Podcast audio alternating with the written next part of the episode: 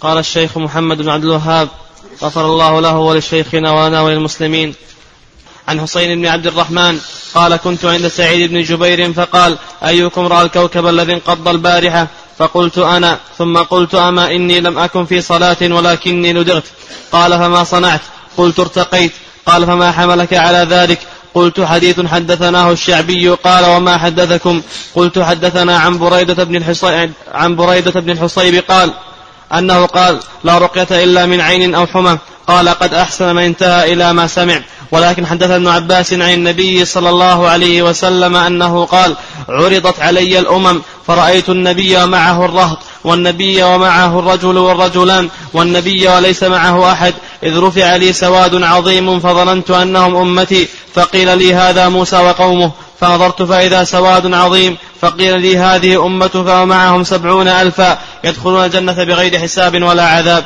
ثم نهض فدخل منزله فخاض الناس في أولئك فقال بعضهم فلعلهم الذين صحبوا رسول الله صلى الله عليه وسلم وقال بعضهم فلعلهم الذين ولدوا في الإسلام فلم يشركوا بالله شيئا وذكروا أشياء فخرج رسول الله صلى الله عليه وسلم فأخبروه فقال هم الذين لا يسترقون ولا يكتبون ولا يتطيرون وعلى ربهم يتوكلون فقام عكاشة بن محصن فقال ادعوا الله أن يجعلني منهم قال أنت منهم. ثم قام رجل آخر فقال رجل آخر فقال ادعوا الله أن يجعلني منهم. فقال سبقك بها عكاشة. طيب بسم الله الرحمن الرحيم. الحمد لله والصلاة والسلام على رسول الله. بوب المؤلف رحمه الله تعالى باب من حقق التوحيد. دخل الجنة بغير حساب ولا عذاب. وتقدم لنا أن تحقيق التوحيد يكون بثلاثة أمور. الأمر الأول أن لا يأتي ما ينافي التوحيد من أصله وهو الشرك الأكبر. والأمر الثاني أن لا يأتي بما ينافي كمال التوحيد وهو الشرك الأصغر. والأمر الثالث أن لا يأتي بما ينقص التوحيد. ويخدشه وهو سائر البدع والذنوب والمعاصي. وذكرنا أن المراد بذلك أن يسر عليها. أما إذا فعل شيء من ذلك وتاب فإن الله عز وجل يتوب عليه. وذكر المؤلف رحمه الله آيتين ثم ذكر حديث سعيد عن ابن عباس رضي الله تعالى عنهما وأيضا حديث بريدة حديث الشعبي عن بريدة بن الحصيب رضي الله تعالى عنه. قال عن حصين بن عبد الرحمن. حصين بن عبد الرحمن تابعي جليل توفي رحمه الله سنة ست وثلاثين ومائة للهجرة. قال كنت عند سعيد بن جبير. سعيد بن جبير أيضا تابعون جليل وهو من أجل تلامذة ابن عباس رضي الله تعالى عنهما وتوفي رحمه الله سنة خمس وتسعين للهجرة. فقال أيكم رأى الكوكب؟ أيكم رأى الكوكب؟ المقصود بالكوكب النجم.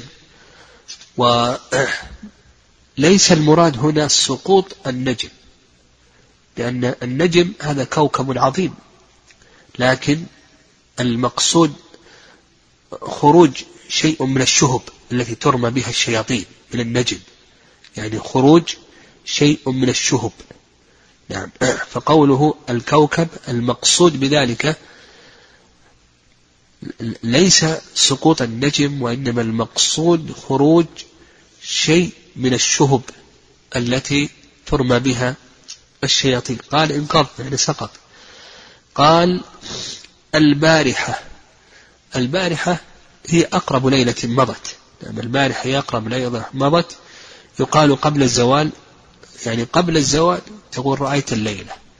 وبعد الزوال تقول رأيت البارحة. فقلت أنا.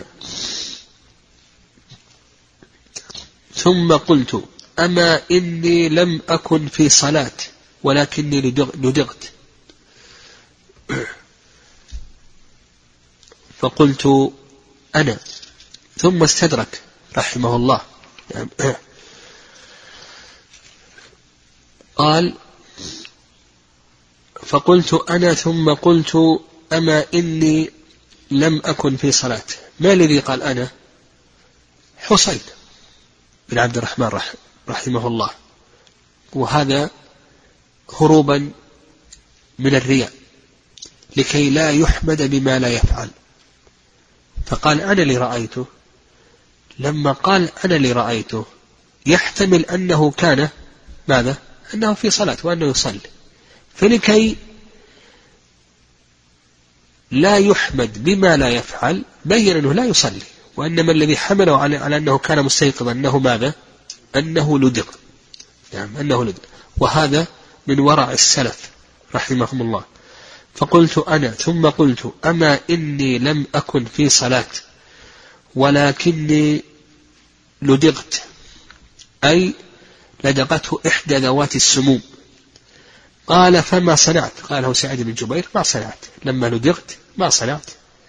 قال ارتقيت يعني طلبت من يرقيني ويقرأ علي.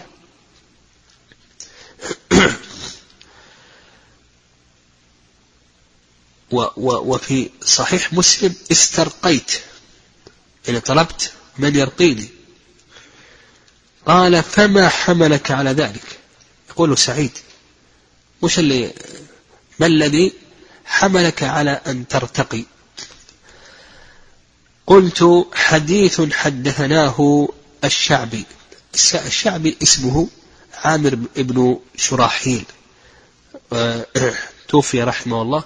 سنة ثلاثمائة للهجرة وهو تابعي جليل. حديث حدثناه الشعبي قال وما حدثكم؟ يقول سعيد ما حدثكم؟ قلت حدثنا عن بريدة بن الحصيب أنه قال لا رقية لا قراءة إلا من عين أو حمى أي من عين يعني إصابة العائن غيره بعينه. إصابة العائن غيره بعينه. أو حمى الحمى هي ذوات السموم. يعني لدغة إحدى ذوات السموم. قال يعني قال سعيد بن جبير قد أحسن من انتهى إلى ما سمع. يعني من فعل ما بلغه من العلم أحسن لأنه على نور وعلى طريق على نور وعلى طريق. لكن سعيد أراد أن يبين له الأكمل من فعل حسين. قال ولكن حدثنا ابن عباس عن النبي صلى الله عليه وسلم أنه قال عرضت علي الأمم الذي عرضها الله عز وجل والأمم جمع أمة وهي الطائفة من الناس والمراد أمم الأنبياء والرسل عليهم الصلاة والسلام. فرأيت النبي ومعه الرهط دون العشرة. يعني هذا النبي الذي أرسله الله عز وجل بالآيات البينات لا يتبعه إلا أقل من عشرة. والنبي ومعه الرجل والرجلان.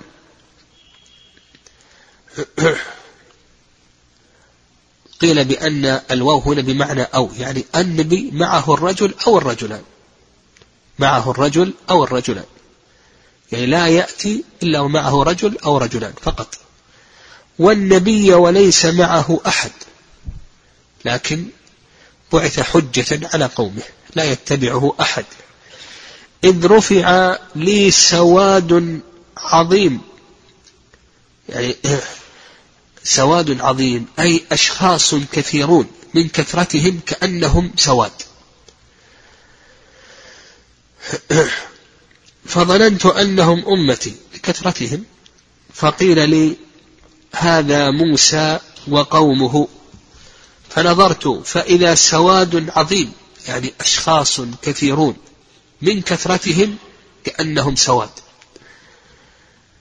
فقيل لي هذه أمتك ومعهم سبعون ألفا يدخلون الجنة بغير حساب ولا عذاب.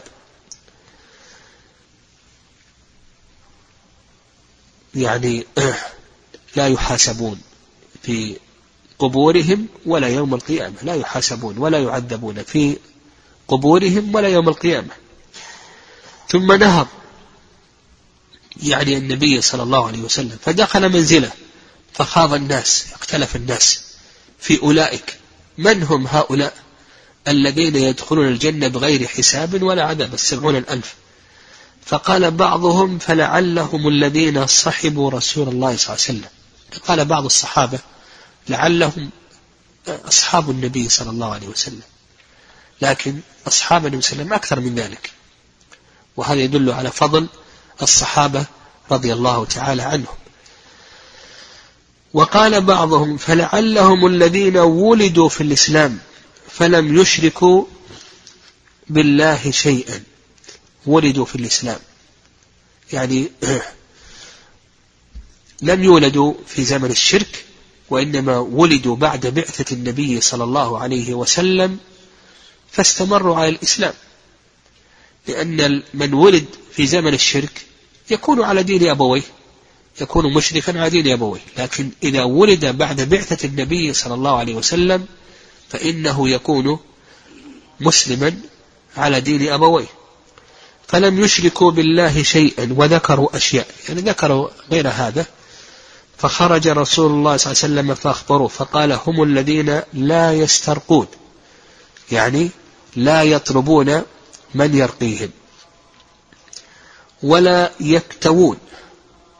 يعني لا يتعالجون بالكي ولا يتطيرون. التطير هو التشاؤم. وأما في الاصطلاح فهو التشاؤم بمرئي أو مسموع أو معلوم. التشاؤم بمرئي أو مسموع أو معلوم وسيأتينا باب مستقل سيعقده المؤلف رحمه الله. وعلى ربهم يتوكلون. توكل في اللغة الاعتماد. وأما في الاصطلاح فهو الاعتماد على الله عز وجل في جلب النفع ودفع الضر مع فعل الأسباب. وسيأتي أن المؤلف رحمه الله تعالى سيعقد بابا مستقلا للتوكل. فقام عكاشة بن محصن فقال ادعو الله أن يجعلني منهم. قال أنت منهم. عكاشة سأل النبي صلى الله عليه وسلم أن يدعو الله عز وجل له أن يجعله من هؤلاء السبعين ألفا. وفي هذا فضيلة عكاشة حيث إنه من الذين يتوكلون على الله عز وجل وأنهم من الذين يدخلون الجنة بغير حساب ولا عذاب. قال أنت منهم. ثم قام رجل آخر فقال ادعو الله أن يجعلني منهم. فقال سبقك بها عكاشة هذا الرجل لم يدعو له النبي صلى الله عليه وسلم. فقال بعض العلماء إنه كان من المنافقين. وقال بعض العلماء لا ليس من المنافقين لكن النبي لكن النبي صلى الله عليه وسلم علم. أن هذا الرجل لا تتوفر فيه صفات هؤلاء الذين يدخلون الجنة بغير حساب ولا عذاب. في هذا في هذا الحديث فضيلة تحقيق التوحيد لأن هؤلاء الذين لا يسترقون يعني لا يطلبون من أحد أن يرقيهم ولا يكتوون لا يتعالجون بالكي ولا يتطيرون لا يتشاءمون ويتوكلون على الله عز وجل يعتمدون على الله عز وجل بجلب النفع ودفع الضر مع فعل الأسباب هذا يدل على أنهم حققوا التوحيد. وأن من حقق التوحيد كان بهذه المنزلة فإنه يدخل الجنة بغير حساب ولا عذاب. ففي هذا فضيلة تحقيق التوحيد وأن من اتصف بهذه الصفات فإنه يكون محققا للتوحيد وإنه حينئذ يدخل الجنة بغير حساب ولا عذاب. هذا الحديث اشتمل على فوائد كثيرة لكن مما يعنينا فيما يتعلق بالتوحيد أن طلب الرقية أنه مما ينافي التوكل. يعني كون الإنسان يطلب من غيره من غيره أن يرقيه هذا مما ينافي التوكل. وفرق بين طلب الرقية وبين أن يرقيك شخص بلا طلب. فإذا رقاك شخص بلا طلب فإن هذا جائز ولا بأس به. النبي صلى الله عليه وسلم سيد المتوكلين. ومع ذلك رقاه جبريل ورقته عائشة رضي الله تعالى عنها وكان النبي صلى الله عليه وسلم يرقي نفسه ويجمع يديه وينفث ينفث بالمعوذات سورة الإخلاص ويمسح ما استطاع من بدنه. فنقول ما يتعلق بطلب الرقية. طلب الرقية. وهذا يعني قول النبي صلى الله عليه وسلم لا يسترقون هذا اختلف فيه العلماء رحمه الله كثيرا. لكن أحسن شيء ما ذكره شيخ الإسلام تيمية رحمه الله وأن قوله لا ير لا يسترقون معنى أنهم لا يطلبون الرقية من غيرهم وأن طلب الرقية مناف للكمال. لكن لو رقاك شخص بلا طلب فإن هذا جائز ولا بأس به. وكذلك أيضا قال أيضا ولا يكتوون تعالج بالكي هذا أيضا مكروه وهو مما ينافي نعم مما ينافي التوكل. أيضا مما ينافي التوكل التشاؤم. وسيأتينا إن شاء الله نعم يأتينا إن شاء الله ما يتعلق بالتشاؤم. وأن الإنسان إذا رأى ما يكره أو سمع ما يكره فإنه لا يخلو من أقسام. القسم الأول القسم الأول أن يرجع القسم الأول إذا سمع ما يكره. خرج لعمل من الأعمال لسفر ورأى صاحب عاهة أو رأى حادثا أو سمع كلمة غير طيبة فتشاءم ورجع. هذا شرك أصغر. وإن اعتقد أنه ينفع ويضر من دون الله عز وجل فهو شرك أكبر. هذا القسم الأول. القسم الثاني القسم الثاني أن يمضي وفي, شل وفي قلبه شيء من القلق. هذا ليس شركا لكنه لكن فيه نقص في التوحيد. الكمال ألا يكون هناك شيء من القلق. القسم الثالث أن يمضي ولا في قلبه شيء من القلق. قلبه مستريح. لم لم يلتفت قلبه إلى شيء من هذه الأشياء. فهذا هو التوحيد وهذا هو هو الكمال. لأن كون الإنسان يعلق قلبه بمثل هذه الأشياء علق قلبه بأمر لا حقيقة له. نعم. ويتوكلون قوله يتوكل هذا سيأتينا إن شاء الله باب مستقل وسنذكر فيه أقسام التوكل ومتى يكون شركا. يعني أقسام التوكل الشرك الأكبر والشرك الأصغر سيأتينا إن شاء الله.